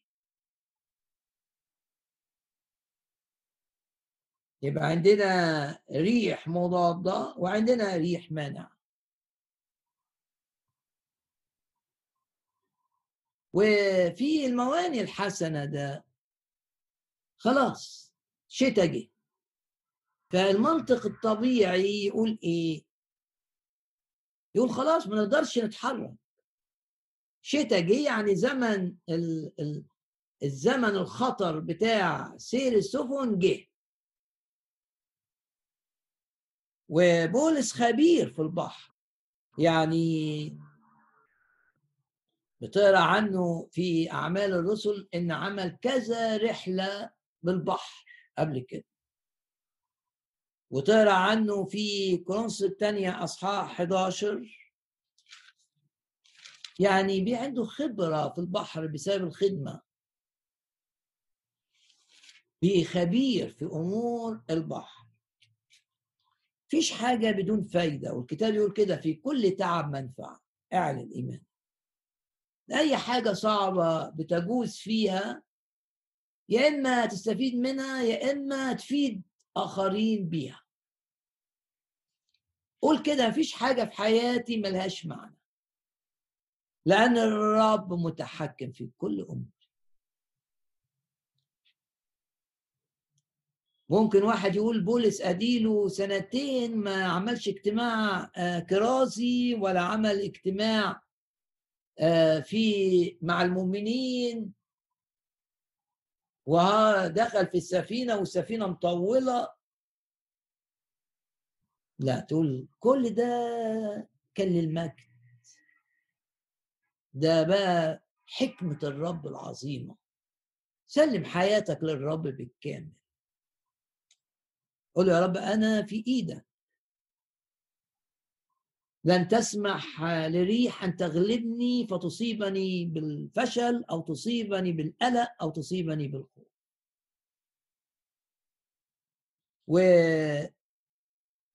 إيه اللي حصل في المواني الحسنة؟ بقول إن بولس كان عنده خبرة عظيمة. لأني آه، لما تقرا أعمال الرسل عمل كام رحلة في البحر؟ سبع رحلات بيذكرها أعمال الرسل. ممكن بقى دراسة تقعد تدور عليه وفي الرحلات دي يقول إيه هنا؟ ثلاث مرات انكسرت بيه السفينة. ده عنده كمان آه، خبرة بالرياح والعواصف. وكل البحر اللي مشي فيه بولس كان البحر الأبيض فهو عنده خبرة. ويعرف الغدر بتاع الريح. ثلاث مرات انكسرت بيه سفينة ومرة بقى عاش في العمق. هل كان في خطر و وكان بيعوم ولا كان على حاجة من الخشب لما اتكسرت السفينة؟ إنما يقول كده في كورنثوس الثانية أصحاح 11 ليلا ونهارا قضيت في العمر فبولس عنده حس مش عند الناس ويمكن عنده حس أكتر كمان من البحارة. يمكن البحارة ما تعرضوش للي تعرض ليه بولس. لكن هو من أجل الرب عشان بيواجه الشيطان بيحصل حاجات بس بينقص وبيشوف إيد الرب صانعة عجائب. ويقول الكتاب العاملون في البحر في المياه العميقة هم رأوا أعمال الرب. هو شاف الرب في الإنقاذ و... وبقى عنده خبرة. وطبعا الروح جواه بيقول له بيريحه إن تفكيره صح. دايما المؤمن بيراجع تفكيره على إحساسه الداخلي. ما بيلغيش مخه المؤمن. يعني الكتاب حتى يقول العباداتكم العقلية. والرب ما عطاكش عقلك ده عشان ترميه. المؤمن ما بيلغيش عقله لكن بيراجع عقله على قلبه.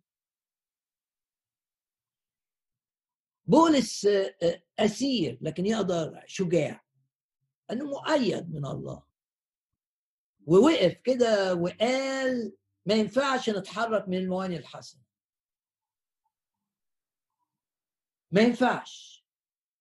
ليه؟ ده المنطق بيقول كده إحنا خلاص الموسم الخطر جه ودي مغامرة. فطبعا كلهم قالوا لا ما إحنا مش هنتحرك من المواني الحسنة نروح روما. ده معاك حق فيه. لكن يعني ممكن نمشي كده رحلة بتاعت يوم على الشاطئ كده بتاع جزيرة كريت بس نسيب المواني الحسنة دي ونروح المدينة الثانية اللي اسمها فينيكس.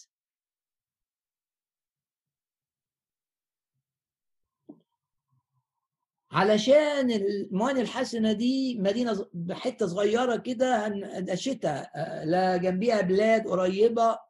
هنتعب من البرد اللي فيها. فايه اللي قعدنا هنا؟ آه بس أنتوا قاعدين في أمان. أمان صحيح مع معاناة لكن أمان. مش هتموتوا. بس بقى لا. ما الميناء التاني ده إحنا مش هنروح روما خلاص. ميناء التاني ده معروف كبير اللي هو فينيكس ده فالشتاء فيه عندهم إمكانيات هنلاقي حتت ننام فيها كويسة لكن هننام هنا في الحتة الوحشة دي. طب أيوه بس دي الأمان. دي رحلة بسيطة. آه بس ده وقت الخطر. لماذا المجازفة؟ طب نسأل قائد قائد قائد السفينة بقى هو اللي ياخد القرار. قائد المئة ده الراجل العسكري اللي بيحب بولس. سأل صاحب السفينة وعارفين القصة.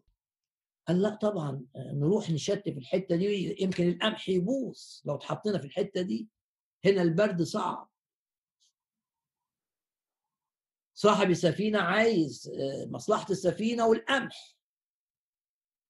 طيب راح سأل القائد البحارة. قال له لا أنا مش شايف إنها خطر قوي يعني.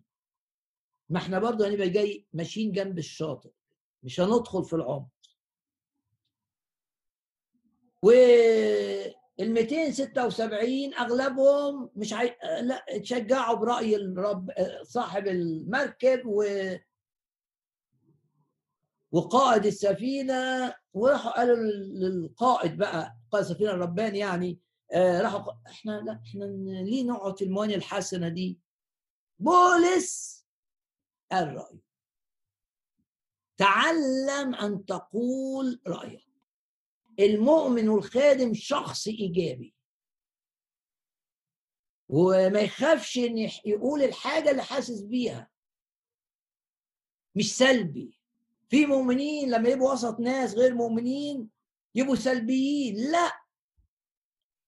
الرب يجعلك تؤثر في غير المؤمنين. وتؤثر في أي جماعة أنت فيها. في شغلك. تقول. تقول أنت شايف كذا. ما دام اللي أنت شايفه مقتنع بيه. وما دام قلبك مش ضد اللي أنت بتقوله. ونرفع ايدينا كده نعلن ايماننا ان الرب هيدينا الحكمة والشجاعة.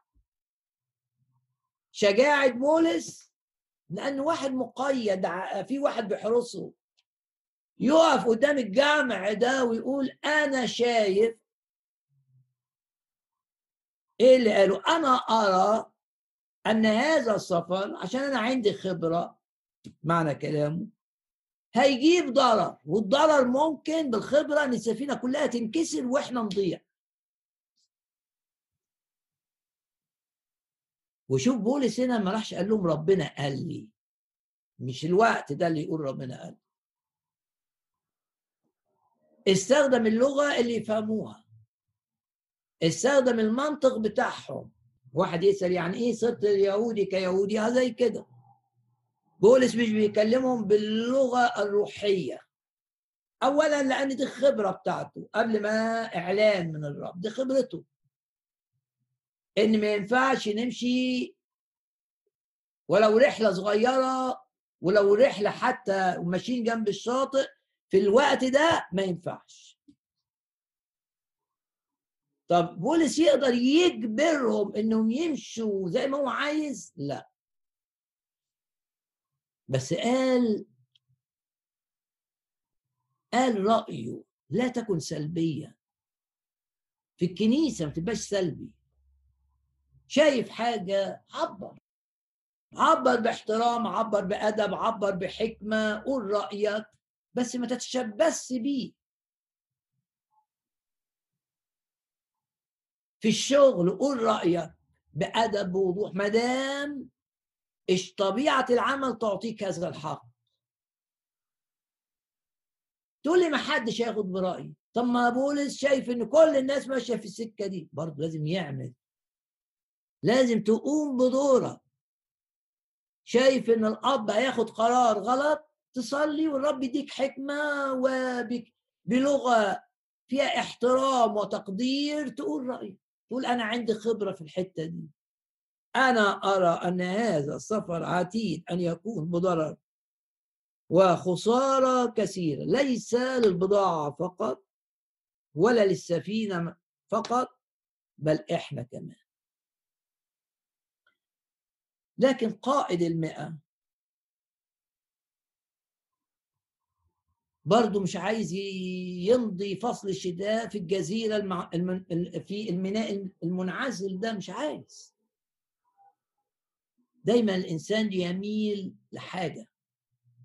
حط إيدك كده على قلبك وقول له يا رب لا تسمح لي أن أسير وراء أهوائي. والقلب أخدع من كل شيء. لما يبقى الإنسان عايز حاجة ممكن يروحنها يجيب لها أسباب روحية. عشان هو عايز الحاجة دي عشان عنده ميل ليها. حط إيدك على قلبك رجاء وقول كده يا رب.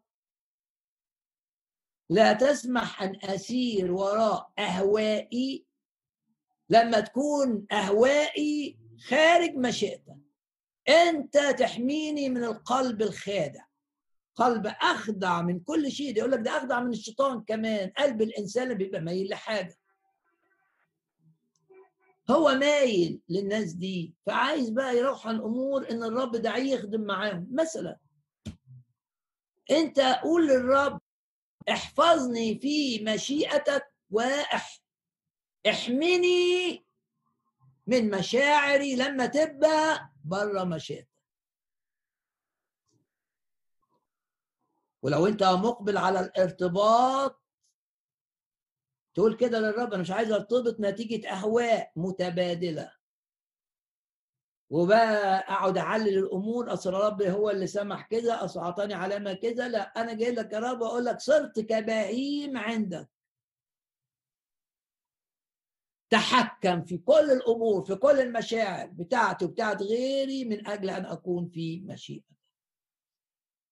قائد المئة لأنه رتبة عالية مش هيعيش في البلد في يقضي آه، شهرين ثلاثة في آه، المواني الحسنة الفقيرة اللي ما فيهاش حاجة ده هيزهق ده هيمل لا لا لا.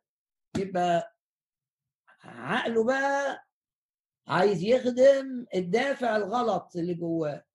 يبقى الربان ده أكيد يفهم أحسن من بولس بس بولس مر بالتجارب كتير في البحر. لا لا بس ربنا يفهم برضه أحسن منه. وبعدين مالك السفينة؟ أكيد هيخاف على السفينة أكتر من أي حد فينا. واتخذ القرار الخطأ وخطأ فادح جدا. قرر إن نبحر بالسفينه دي كلها يوم واحد ونصل إلى مدينة فينيكس ونقعد الشتاء يخلص الشتاء نطلع على روما وزي ما قلنا في الأسبوع الماضي ليس للإنسان طريق. يا ناس بترتب وحاجة بسيطة تغير الاتجاه قول يا رب نعم. مش أنا اللي أحدد لنفسي أمشي فين. أنت اللي تقفل باب وتفتح باب عشان أبقى في مشيئتك. قول للرب كده من قلبك. في يدك يا رب أوقاتي. أنت تقفل بيبان وتفتح بيبان عشان أبقى في مشيئتك. وإيه اللي حصل بقى؟ قائد المئة اللي شجعوا أكتر إن لقي إن الريح اللي كانت سيئة وقفت. وجات بدلها ريح جاية من الجنوب. جاية من الجنوب يعني هتخلي السفينة لازقة في شاطئ جزيرة كريت. ده منتهى الأمان. والريح دي هادية ولطيفة. يقول كده الكتاب نسمت ريح جنوب. خلاص يبقى إحنا كأننا وصلنا. ما فيش تأييد أكتر من كده. تأييد بقى يعني ده, ده, ده الخالق معانا. ده مش عايزنا نتبهدل في الموانئ الحسنة ده عايزنا نروح البلد الحلوة.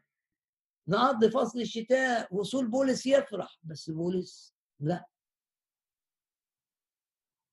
عنده تمييز وعنده خبرة وعنده حكمة وقلبه كمان الروح. لا. هم فرحانين عشان ريح الجنوب حبت؟ واسمي الريح دي بقى الريح الخادعة. لأني استنتهم الريح ربما ورا الريح دي أرواح شريرة. الريح الشيطان ممكن يجي لك حية يخدع. حية كانت أجمل جميع الحيوانات. عشان كده انخدعت بيها حواء. شيطان دخل في حادقة جميلة جدا. أجمل. كلمة في سفر التكوين ما تعنيش أحكم يعني حكمة وتعني أجمل كمان. جميلة قوي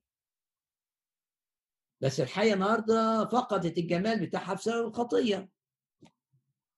وبيه شكلها سيء. لكن هي ما كانتش كده. خلق الله كل شيء حسنا. فالريح دي ريح خادعة من إبليس. شجعهم بقى وقعدت الريح مستنية. مستنية إيه؟ إنهم يركبوا السفينة. ومستنية إيه الريح دي؟ مستنية إن السفينة تتحرك. ومستنية إيه الريح دي؟ إنها تسيب المينا ويشيلوا الهل. اللي هو بيخلي السفينه ما تتحركش من الشاطئ بتاع الموانئ الحسن. وأول السفينه ما دخلت كده وهتمشي بقى والناس فرحانة بقى خلاص رايحين نشتي في الميناء العظيم فينيكس. شوف الكتاب يقول إيه ولكن بعد قليل. خلاص. الشيطان سحب. الريح المشجعة دي اللي جاية من الجنوب وهجم بريح جاية من الشمال من الجبال بتاعت الجزيرة. ريح بقى قوية جدا جدا جدا جدا جدا. خلت السفينة تتلخبط ما يعرفوش وتدخل في البحر. ما تعرفش السفينة تعمل أي حاجة. دخلت إلى المجهول يبقى عندنا أربع أنواع من الرياح ريح مضادة وريح مانعة وريح خادعة وبعدين آخر ريح الريح القاتلة. غمض عينك كده وقول أنا زي بولس. اتعرضت غصب عني زي بولس غصب عنه مش صاحب قرار. صاحب القرار قائد المئة. أنا زي بولس اتعرضت لريح مضادة أو ريح مانعة تمنعني من ان أمشي في السكة دي. أو ريح زي ريح الجنوب اللطيفة الجميلة الخادعة. أو تعرضت للريح القاتلة. أنا زي بولس الرب يحفظني دائما. لا فرق بين خطر وخطر. ولا فرق بين عاصفة قوية وعاصفة ضعيفة. الرب جه مشي على الموجة والريح هايق فالرب يجي لك يقول لك أنا مسيطر على البحر الهادي. ايا كانت الريح اللي بتواجهها بنختم الكلمة بيقين أننا تحت هيمنة الرب.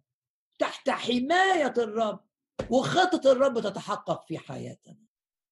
مهما عمل إبليس من إرسال ريح مضادة ولا ريح مانعة ولا ريح خادعة ولا ريح قاتلة الرب يتحكم في إبليس من أجلنا.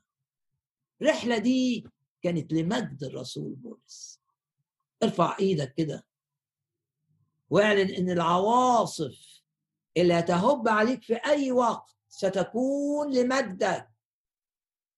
أمجدك الرب قال كده. وأريك خلاصي. ارفع إيدك واعلن إيمانك إن الشيطان اللي بيحرك العواصف تحت قدميك. ولما الرب يسمح ليه إن يعمل ريح مضادة ولا ريح مانعة ولا ريح خادعة ولا ريح قاتلة الرب بيعمل ده لخيرك. الرب بيعمل ده عشان يستخدمك وعشان يظهر عمله فيك وعشان ثمر الروح يبان لركاب السفينة اللي معاك. كل الأشياء تعمل معا لخيرك. يا رب نعظمك ونباركك ونشكرك. تحكمت في قائد المئة عشان بولس يقابل أصدقائه.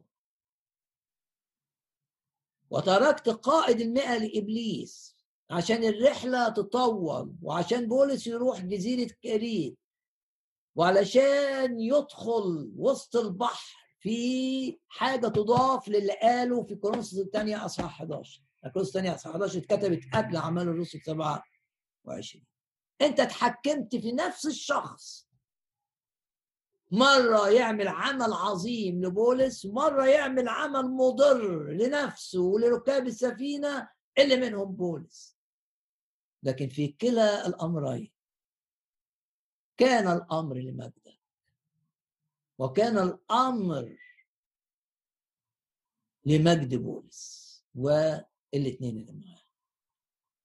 يعظم انتصارنا في كل الظروف في كل الأحوال. وفي آخر العظة كده نقول مع بعض كده لا للخوف لا للهم. لا للخوف. نعم للإحساس بالأمان اللي من الرب أيا كانت العواصف.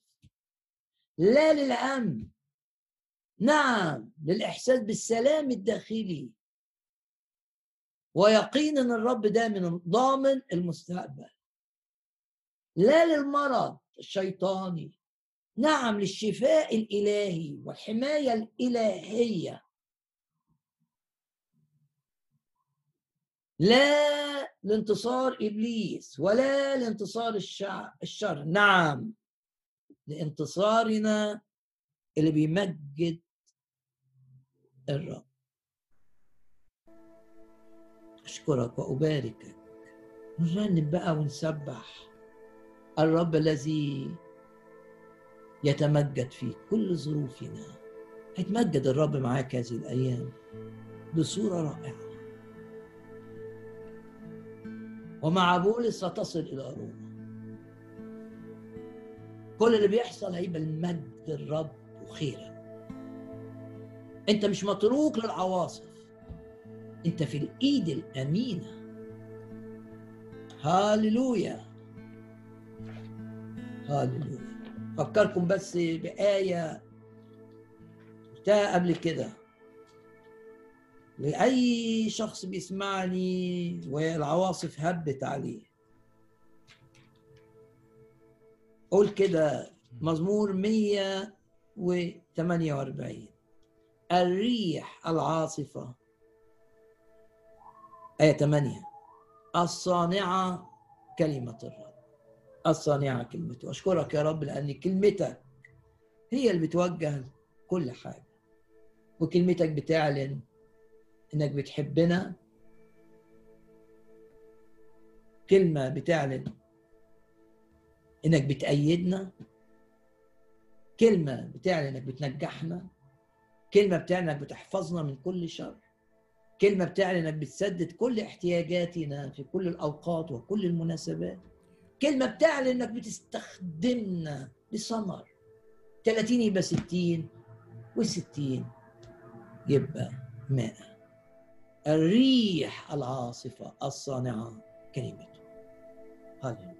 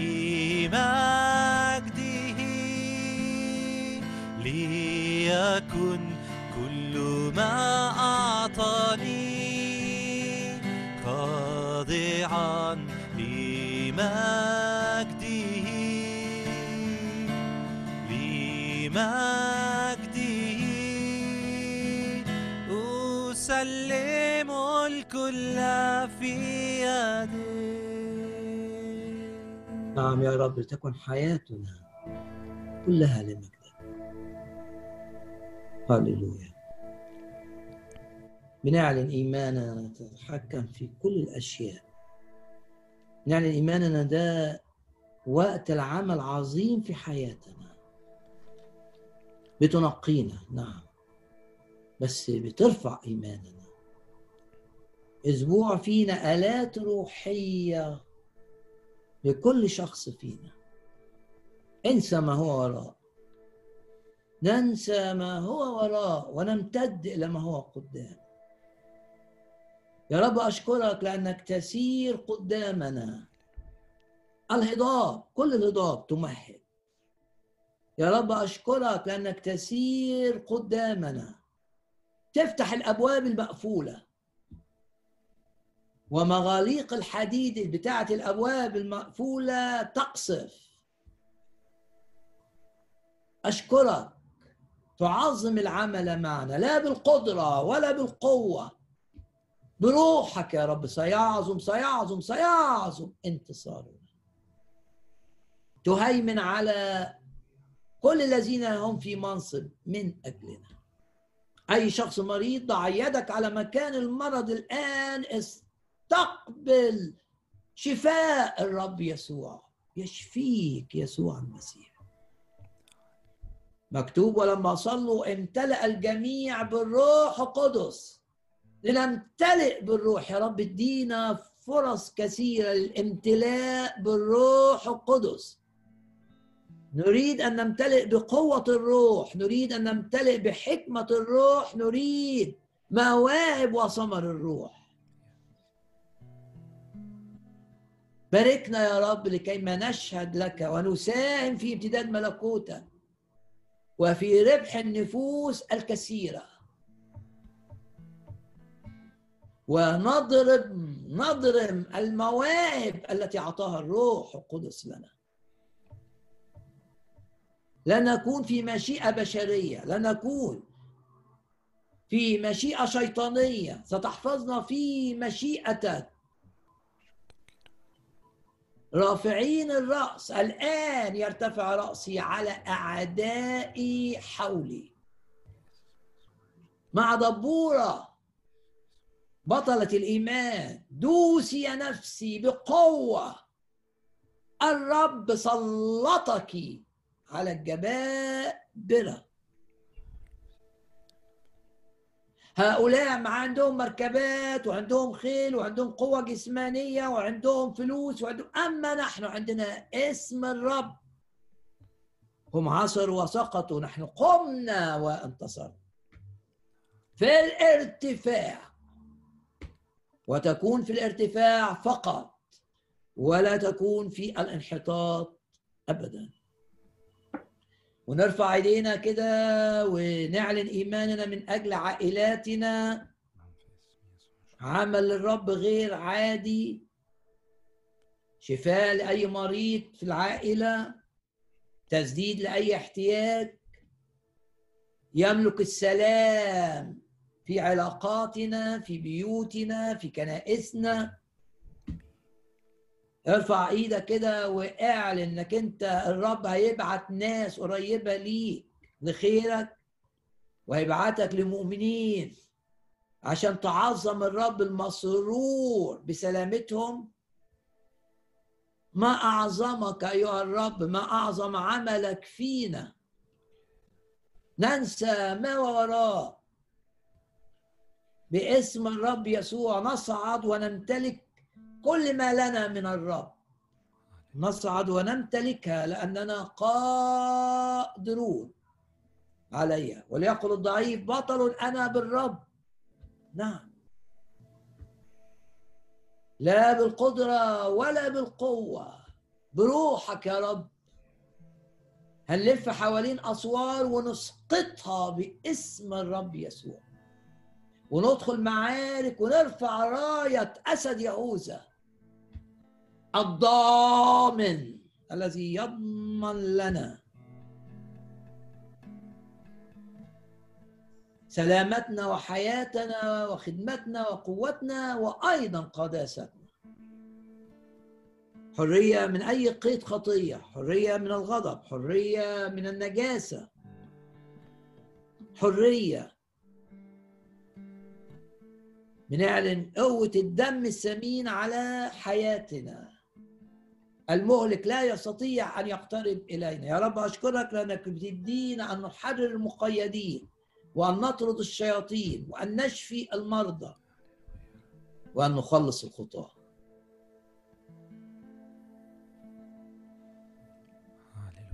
وأشكرك من أجل الملائكة الذين ترسلهم في الوقت المناسب والمكان المناسب لتسهيل أمورنا ولحمايتنا. ولحفظنا. أباركك وأعظم ليك كل المجد آمين.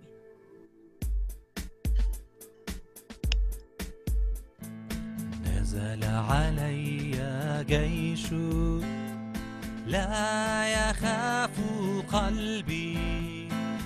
قامت علي حرب فأنا مطمئن. أما أنت يا رب فترسل لي مجدي ورافع رأسي. أما أنت يا رب فترسل لي مجدي ورافع رأسي. وإله السلام سيسحق الشيطان سريعا سيسحقه. تحت أرجلنا. أما أنت يا رب فترسل لي مجدي ورافع رأسي. أما أنت يا رب فترسل لي مجدي ورافع رأسي. أما أنت يا رب فترسل لي مجدي ورافع رأسي. نباركك يا رب ونعظمك ونعطيك كل المجد إلى الأبد.